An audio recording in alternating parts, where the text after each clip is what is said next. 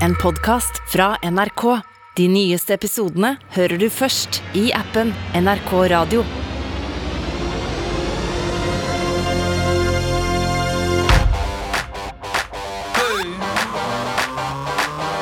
Popkorn over politikk med Sean Henrik Matheson og Gjermund Stenberg Eriksen.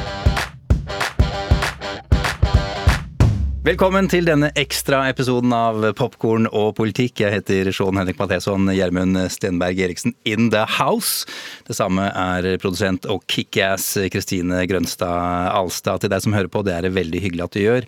Krigen i Ukraina er inne i sin fjerde uke, og i tillegg til meningsløs død og ødeleggelse, så er det flere konsekvenser som følger av denne krigen. En stor strøm av menn, kvinner, gamle unge, barn og ungdom om de gjør så godt de kan for å komme seg unna. Over tre millioner mennesker har flyktet fra Ukraina de siste ukene, og flere kommer det til å bli.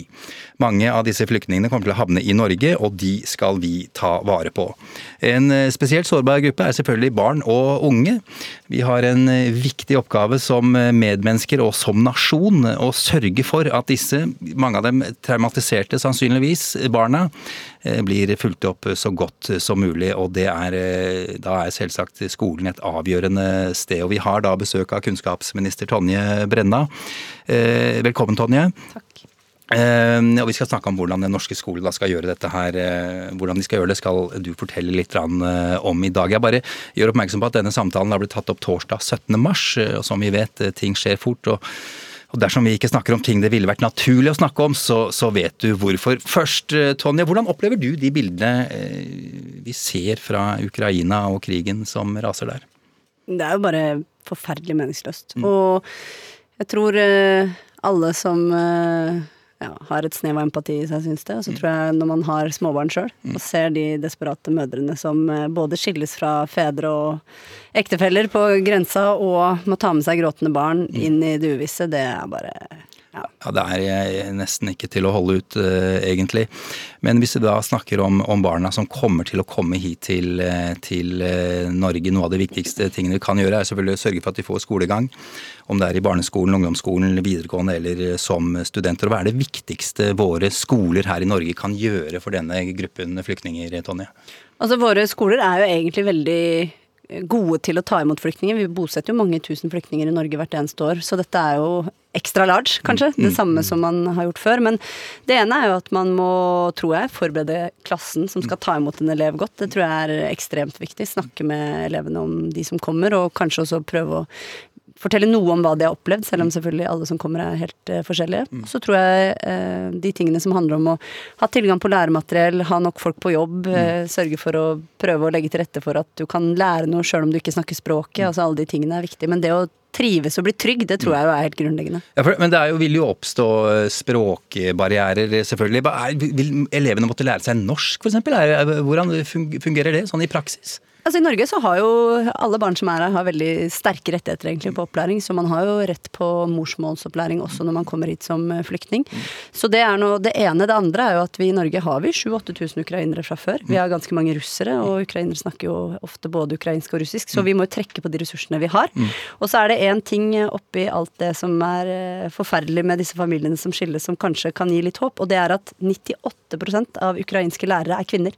Så det kommer til å komme mange lærere fra Ukraina Ukraina, fordi det er kvinner som kommer. Herregud, rørende på ja, et veldig Den blanda beger med mm. varme. Så, så det å, å, å, både gi de voksne noe meningsfylt å gjøre, og kanskje de til og med er pedagoger og kan bidra inn i skolen, og så kan de ta imot unger i tillegg, det er veldig bra. Vil det være aktuelt å ha egne altså, klasser der de snakker ukrainsk, altså på sitt eget morsmål, og, og følger sin egen læreplan kanskje også?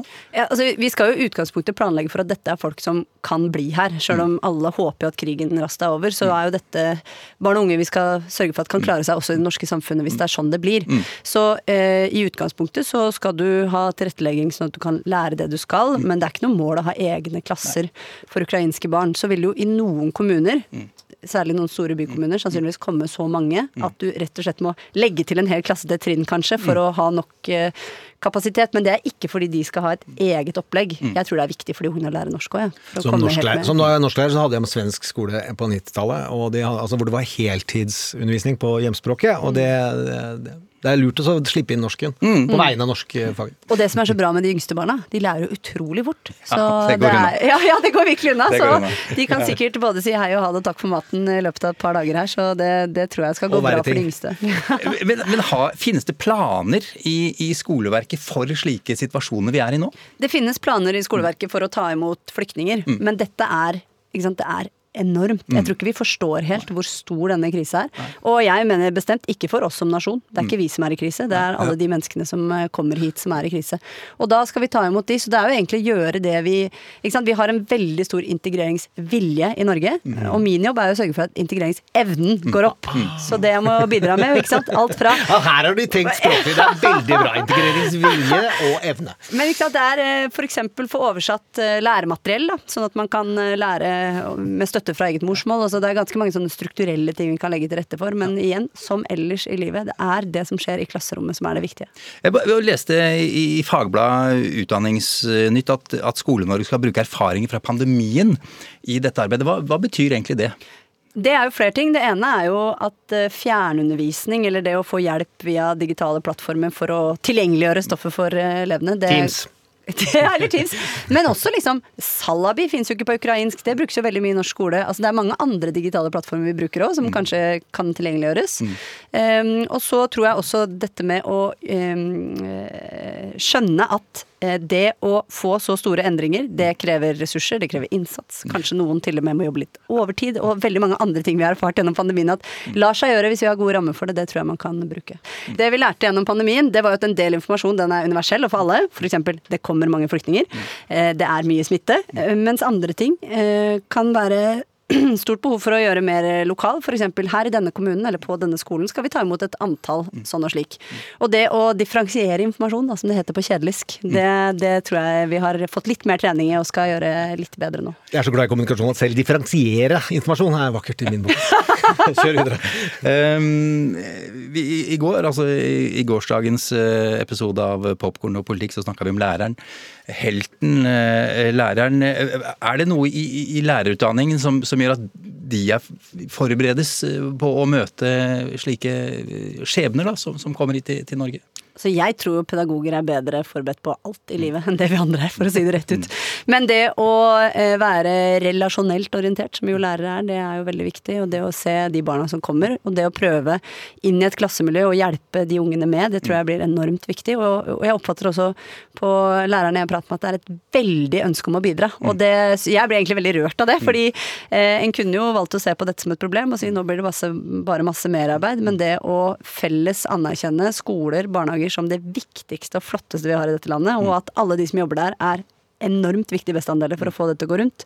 Det tror jeg er noe av det som kan gjøre at vi kan lykkes med dette. Selv om antallet som kan komme til å komme hit blir enormt, så kan vi allikevel få det til. Og eh, mange av disse barna og ungdommene kan jo være traumatiserte. Hva slags plan er det for det i, i skoleverket? Det er jo, ikke sant, når noen kommer hit, uansett hvilket land de kommer fra og er traumatisert, så er det jo helse, skole, barnevern, veiledning, foreldre, alle eh, institusjoner som har en aksje i det skal virke sammen, og det gjelder også her. Mm. Så er det jo, jeg pleier å si at alle problemer vi har i samfunnet kommer til uttrykk i våre klasserom, men mm. alle problemer skal ikke løses i klasserommet. Mm. Så vi er jo helt avhengig av at tingene virker godt sammen her. Mm. Men ikke sant, unger som er utrygge, redde, savner pappa, de må i hvert fall oppleve at skoler og barnehager er trygge steder som et utgangspunkt for et liv som kan leves. Jeg tror heller ikke at mødre kommer til å tørre å forlate ungene sine for å gå på jobb, f.eks. Eller studere videre, eller hva nå enn disse mødrene skal finne for meningsfylt arbeid selv. Mm. Så disse tingene er helt avgjørende at vi får til for at uh, dette skal gå rundt.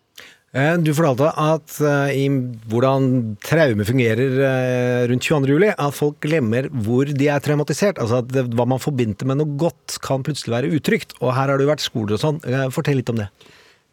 Det å bli veldig redd et sted som var trygt, f.eks. hjemme hos deg selv, som jo veldig mange har vært da når krigen har brutt ut, det tror jeg fører til en helt sånn grunnleggende utrygghet. Det har i hvert fall jeg selv erfart, med den tryggheten jeg før 22. juli opplevde på Utøya. Og det å da bruke ekstra med krefter på at noe skal være trygt, for at du egentlig skal kunne åpne sansene dine for alt det andre du kan ta inn, da, hvis du føler den roen, det tror jeg er enormt viktig. Så jeg tror, altså jeg tror alltid at vi ikke kan eh, overvurdere, nei, undervurdere, nei, overvurdere viktigheten av skolefellesskapet. Men særlig her, hvor det egentlig er anledning for en klasse på 20-25 unger til å bare pakke inn de som kommer og si vi er vennene deres, bli med oss på fotballtrening, bli med meg hjem, se hvordan vi har det. Det tror jeg er veldig viktig. Og så til alle voksne som snakker med barn.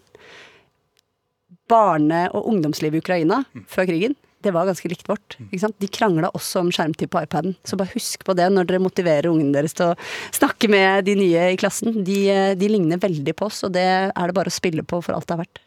Eh, nå er det jo dessverre ting som tyder på at denne krigen vil vare, vare lenge. Eh, I hvert fall kan det bli vanskelig, om ikke umulig, for, for flyktningene å reise hjem på lang tid. Hvor lenge planlegger dere for, eh, for det vi er oppe i nå? Det er jo liksom todelt, fordi på den ene side så er det nok veldig mange som vil hjem når freden kommer. Det er det all mulig grunn til å tro. På den annen side så må jo vi planlegge et evighetsperspektiv. Da. Vi må planlegge for at de som kommer nå skal uh, kunne være så velfungerende og integrert at de kan uh, nyttiggjøre seg arbeidslivet, selv om de er uh, sju år når de kommer nå. Mm. Så det er begge deler på en gang. Mm. Og så er det som sagt sånn at i Norge så er vi godt forberedt på og flinke til å ta imot flyktninger, mm. men dette blir liksom tusengangeren, kanskje, det vi er vant til. Og da må vi anstrenge oss for å skalere opp alt, og sørge for at ting også fungerer over tid. For det, ja, det er forskjellige folk som kommer med ulik bakgrunn og ulik erfaring, og det, det hver og en av de skal tas vare på på en god måte. Uansett hvor lenge de blir. Kunnskapsminister Tonje Brenna, tusen takk for at du var med i Popkorn og politikk. Du har hørt en podkast fra NRK. De nyeste episodene hører du først i appen NRK Radio. Med all respekt. Læreren har gitt en oppgave som handler om oss. Altså med all respekt. Hvis du, lærer, hvis du læreren hører på nå, Ja. hva faen er det du holder på med? Men du skader jo disse barna her, barna her umenneskelig. Ja. Horrible meninger. For det andre kan ikke snakke norsk engang. For det tredje Hva faen er det du driver med? Full av konspirasjonsteorier. Dette, er som, dette her er som å gi Twitter-feeden Donald Trump til små barn. Det er jo helt sjukt hva du driver med, men tusen hjertelig takk. Fortsett å gjøre det. Det er, Jeg er ganske enig med det er, det er hyggelig og bekymringsverdig på en og samme tid. Ja. En podkast fra NRK. Med all respekt.